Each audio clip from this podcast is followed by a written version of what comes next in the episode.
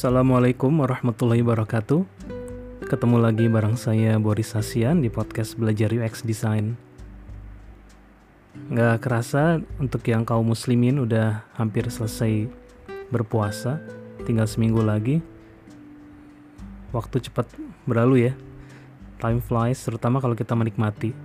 Mudah-mudahan ibadahnya bisa maksimal walaupun di tengah uh, pandemik ini malah mungkin kesempatan untuk bisa lebih uh, mendekatkan diri kepada uh, Tuhan kepada Allah ibadah yang lebih banyak lagi dan juga tetap berkarya untuk manfaat banyak bagi orang lain. Kali ini saya mau ngebahas tentang uh, ada pertanyaan dari Ainur Rahman via Twitter uh, tentang gimana sih konsep flow dan bikin flow dan UI UX yang minimalis. Kemudian uh, Ainur Rahman bilang juga tentang simplicity. Jadi emang simplicity itu sales gitu ya. Simplicity sales. Kita bisa lihat produk Apple yang misalnya iPod pertama kali kalau yang dulu ngikutin uh, di di market itu ada dulu uh, beberapa merek lain saya lupa mereknya kalau nggak Zen kreatif yang fiturnya dan tampilannya pun kayak kompleks gitu ya banyak sekali tombolnya segala macam tapi kemudian muncul iPod yang cuman tombolnya di tengah gitu kan simple. Jadi simplicity sales tapi uh, simple itu bukan cuma hanya sekedar uh, meremove uh, things gitu ya. Bukan cuma tombolnya jadi empat jadi dua. Itu uh, sebenarnya simple itu kompleks. Karena dia pertama harus ngerti dulu apa yang mau di serve apa yang mau kita uh, kita sediakan untuk membantu user mencapai selalu tujuannya atau goalsnya jadi penting untuk mengerti goalsnya user apa kemudian dengan cara yang sesimpel mungkin sesederhana mungkin segampang mungkin nah kalau kita bicara lagi di proses design thinking uh, kebetulan saya juga uh, uh, penggemar desain sprint.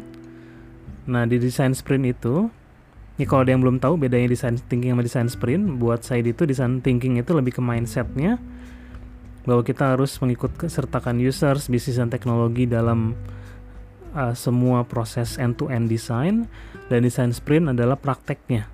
Jadi desain sprint itu adalah praktek dari desain thinking yang fokusnya pada memunculkan prototype atau konsep yang bisa divalidasi dengan user dalam waktu yang singkat, biasanya tiga hari sampai lima hari.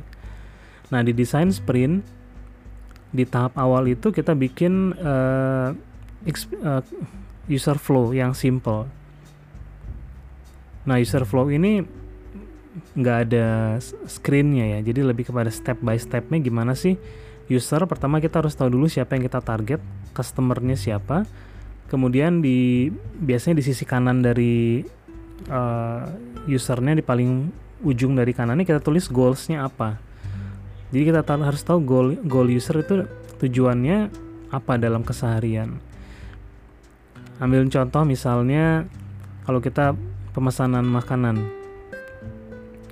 Nah tujuannya adalah misalnya dia pengen uh, mendapat makanan untuk uh, waktu makan siangnya di kantor.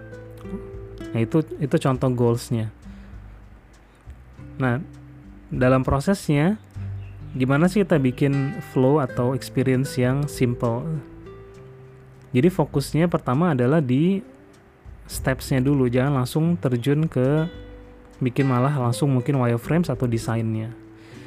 Nah, salah satu prinsip yang saya suka itu uh, dari bukunya Alan Cooper, judulnya uh, About Face.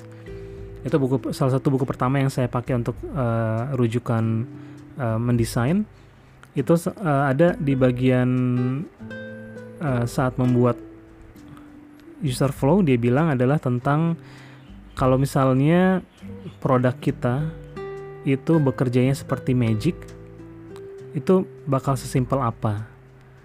Nah jadi kita mulai ngebayangin nih kalau misalnya saya menggunakan layanan kemudian saya lagi di kantor butuh makan siang sekarang sesimpel apa sih atau se kalau dia seperti magic kira-kira seperti apa bisa jadi misalnya kita bilang kalau Magic ya dia tinggal buka, malah mungkin dia nggak usah buka. Dia tinggal confirm aja apa mau pesan sekarang ya, langsung iya, kemudian makanan langsung dikirim dalam misalnya 30 menit. Atau misalnya kalaupun dia pengen explore makanan baru, itu bakal ada misalnya assistance atau virtual assistance yang memberikan pilihan yang paling uh, paling valuable, yang paling ekonomis misalnya, yang paling berharga sesuai dengan budgetnya dan sesuai dengan tren dan sesuai dengan uh, selera. Nah itu misalnya contoh-contoh, nah itu dibuat di flow-nya tanpa kita mikir sistemnya seperti apa atau interface-nya seperti apa. Jadi itu tahap awal buat kita bikin flow yang minimalis. Yang kejadian adalah kalau kita langsung terjun ke membuat desain, kemudian langsung misalnya mengcopy desain yang udah populer, yang udah ada. Nah karena biasanya desain yang udah ada kita ambil contoh Gojek misalnya. Layanan pertama mulai tahun 2010 hanya Ojek. 2015 muncul pertama aplikasi itu layanan hanya 4. Uh, hanya GoRide, GoFood, GoMart sama GoSend Nah, kalau kita lihat orang langsung mengcopy Gojek yang sekarang yang produknya lebih dari 20, yaitu uh, istilahnya di prosesnya langsung lompat gitu ya. Tanpa dia ngerti kenapa sih ditambahkan sampai dari 4 misalnya muncul sampai ada 20 produk lebih.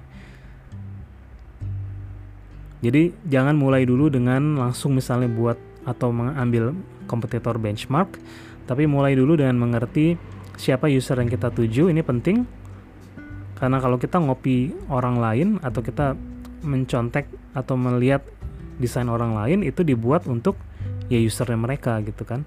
Nah kita harus ngerti dulu siapa target user kita. Kemudian tentukan goalsnya apa yang paling penting nih. Dalam konteks mereka keseharian apa sih yang jadi tujuan mereka?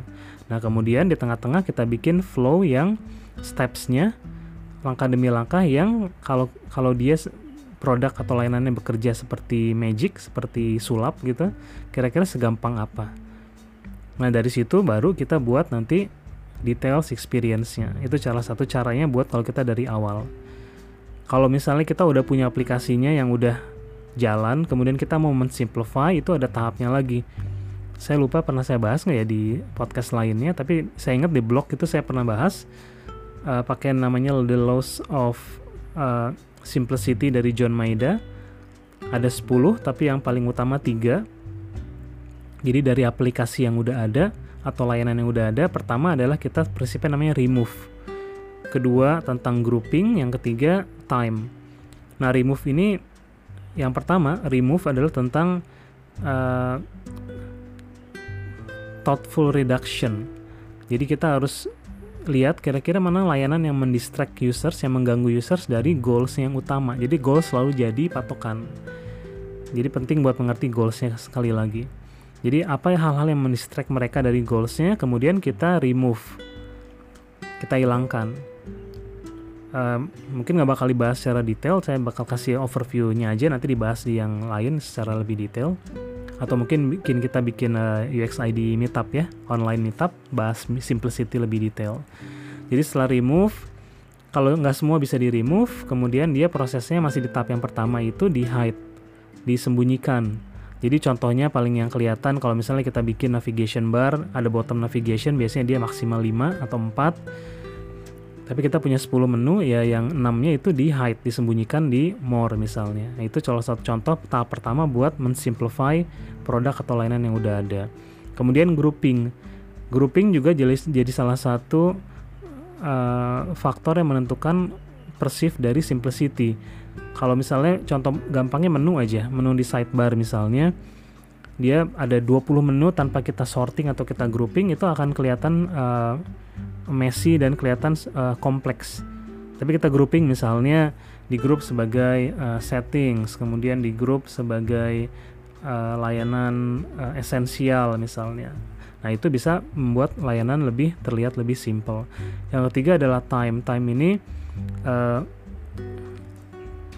terkait dengan uh, perceive value, perceive simple, sim, simple simplicity juga. Jadi seolah-olah lebih simple jadi uh, prinsipnya uh, dia bilang savings in time feels like simplicity. Jadi kalau sesuatu yang terasa lebih singkat itu terasa lebih simple.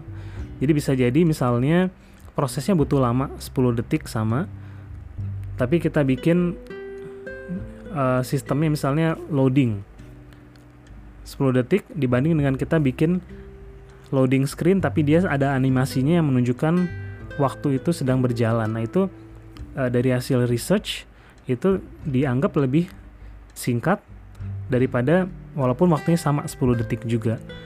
Itu lebih singkat dibanding yang tulisan loading aja.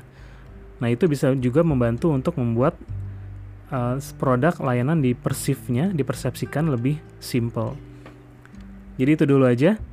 Uh, buat di recap, pertama buat bikin sesuatu yang simple kalau dari awal pastikan kita tahu siapa customernya, kemudian tentukan main goalsnya apa, dan setelah itu kita jangan langsung terjun ke wireframes atau desain screennya, tapi buat step by step gimana user itu bisa mencapai goalsnya, dan kita anggap produk atau layanan kita bekerja seperti magic. Seperti segampang apa sih kalau magic atau sulap itu langsung misalnya sekejap langsung bisa terpenuhi. Nah itu dari situ Kemudian kalau kita udah punya layanannya, kita pengen bikin lebih simple, coba terapkan the laws of simplicity dari John Maeda. Paling nggak tiga hal itu. Yang pertama remove, yang kedua grouping, yang ketiga tentang savings in time. Bikin proses terasa lebih cepat atau bisa eh, bisa lebih cepat. Kalau nggak bisa lebih cepat, terasa lebih cepat. Itu dulu aja. Uh, insya Allah dibahas di podcast lainnya. Kalau ada pertanyaan silahkan mention saya di Twitter, uh, message di grup UXID juga bisa, di Instagram DM juga bisa. Uh, mudah-mudahan berguna uh, dan juga tetap semangat untuk berkarya dan memberi dampak yang paling besar untuk orang banyak. Uh, sampai jumpa lagi, insya Allah. Wassalamualaikum warahmatullahi wabarakatuh.